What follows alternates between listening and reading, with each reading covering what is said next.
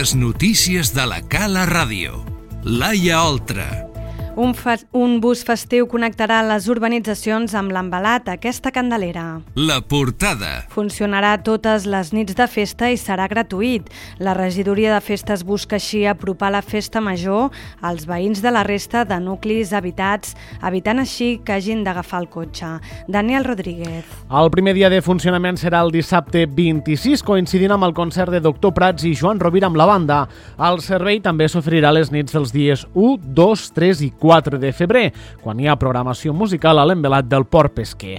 Aquesta iniciativa de la regidoria de festes serà totalment gratuïta i busca apropar la festa major als veïns de les urbanitzacions. El regidor Vicent Lleó explica que també es busca evitar que s'utilitzi el cotxe i s'aposti pel transport públic per venir de festa. Són dies de festa, són dies que, que es veu molt, que, que poden haver accidents de trànsit i una manera també d'apropar les urbanitzacions a, a la festa local, no?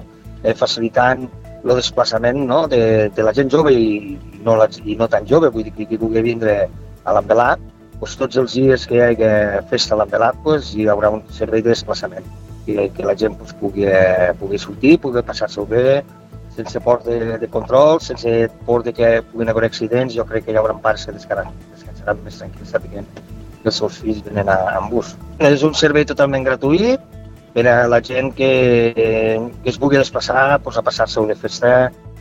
Les parades seran les mateixes que fa el bus escolar a Calafat, Sant Jordi d'Alfama i les Tres Cales, amb acabament al mateix envelat. La sortida serà a les 11 i mitja de la nit, mentre que hi haurà dues tornades, una a les 4 de la matinada i l'altra a les 7 del matí. Les parades serien, sortirien sempre a les 11 i mitja, eh, començarien per Calafat, són, són les mateixes parades que suposo que la gent de les urbanitzacions les sap, que fa el bus escolar, diguéssim, no? Seria parada de bus Calafat, eh, al costat del museu, a, al costat de la Nacional 340, Sant Jordi, i parada de bus eh, a les Tres Cales. I parada ja a l'Ametlla de Mar, a l'Embelat mateix. I dos, dues hores de tornada, una que sortiria a l'Embelat a les 4, eh, si hi ha gent que vol anar més aviat a, a dormir, i l'altra hora sortida també de l'Embelat, als mateixos punts de tornada, eh, Tres Cales, Sant Jordi Calafat, a les 7 del matí, que és quan s'acaba ja l'activitat la, a l'Embelat. Doctor Prats farà vibrar la Mella de Mar. Dissabte 26 de gener, a l'envelat del Port Pesquer, arribaran els Doctor Prats per celebrar la Candelera. I a més, concert de Joan Rovira i la seva banda. Recorda, dissabte 26 de gener, a partir de la mitjanit.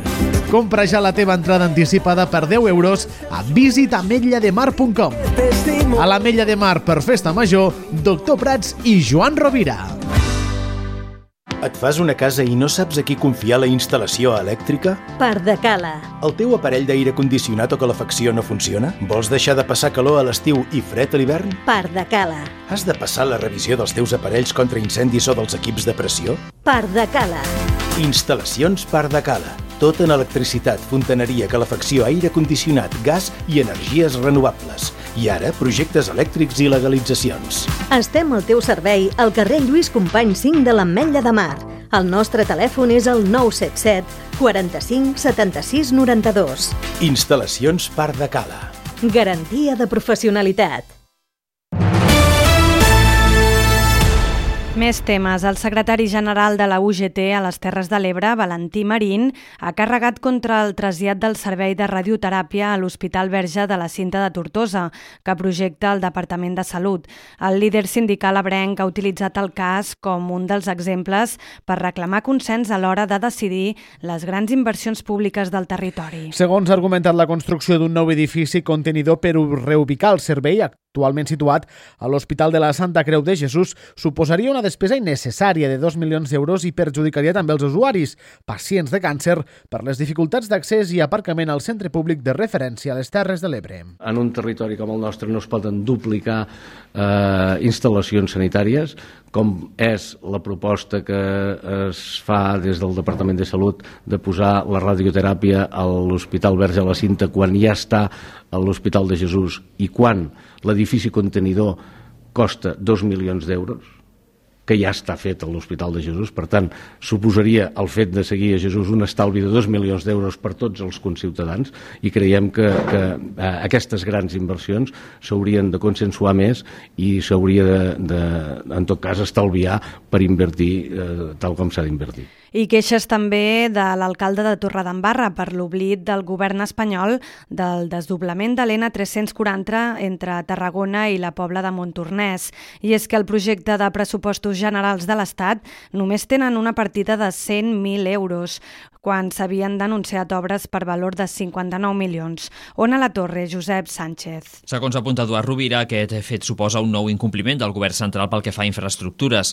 Tem que aquest endarreriment del desdoblament de la carretera nacional suposarà també un retard a l'hora de solucionar l'enllaç entre l'autovia A7 i l'autopista AP7, que considera que és l'actuació més necessària per descongestionar la Nacional 340. Una vegada més que Madrid té les seves eh, comèdies en tema infraestructures i aquesta infraestructura que és tan necessària perquè hi hagi un accés directe de la carretera N340 a l'autopista en direcció a Barcelona, eh, si endarrereixen la construcció del desdoblament, doncs endarreriran aquest fet. Aquest endarreriment també podria suposar que es mantinguin encara més temps les barreres a la rotonda d'entrada a la torre pel polígon de les Roques Planes. L'alcalde també ha anunciat que traslladaran el seu malestar als representants tarragonins d'Esquerra Republicana a Madrid, el diputat Jordi Salvador i la senadora Laura Castel, per tal que preguntin al govern espanyol quina intenció tenen pel que fa al desdoblament de l'N340. Les notícies de la Cala Ràdio. I els pescadors de la confraria de Sant Carles de la Ràpita estan capturant més d'una tona de cranc blau de mitjana per cada dia de sortir de la mar durant el que portem de gener, una xifra que suposa ja un rècord mensual absolut. En només dues setmanes han capturat 12,3 tones. Això suposa la xifra de 12 ton... Això supera la xifra de 12 tones que els pescadors van portar a la llotja durant tot el 2017 i amenaça de sobrepassar les 60 de tot l'any passat. Joan Balaguer, el secretari de la confraria Rapitenca. 2018 ha sigut l'any del de, de creixement exponencial d'aquest producte. O sigui, el 17 havien capturat 12 tonelades en tot l'any, el 2018 han tingut 60 tonelades en tot l'any, que és una barbaritat i en el que portem de mes de, de gener ja han capturat més que qualsevol mes dels anteriors. Ja portem 12.300 eh, quilos ara, quan el mes que vam capturar l'any passat en un mes van ser 12.000 només, i encara ens falten uns quants dies de gener. La multiplicació de les captures i el conseqüent excés d'oferta però ha provocat que els preus, més enllà d'un lleuger repunt durant les passades festes nadalenques, hagin tornat a caure i s'hagin estabilitzat al voltant dels 2 euros al quilo. Els pescadors creuen que cal continuar estimulant la demanda d'aquest crustaci invasor que ja està colonitzant diferents punts de la costa mediterrània.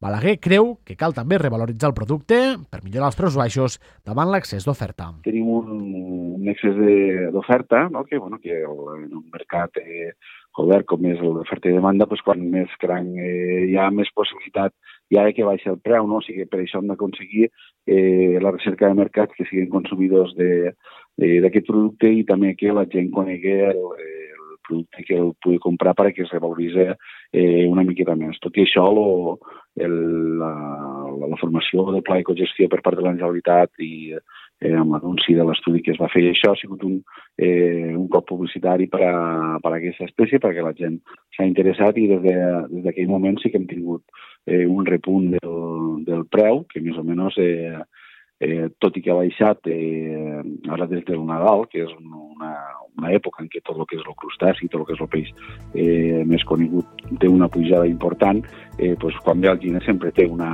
una baixada de, de preu que és bastant significativa, no? i més o menys o sigui la mateixa línia que les altres espècies. L'actualitat segueix a la cala rtb.cat.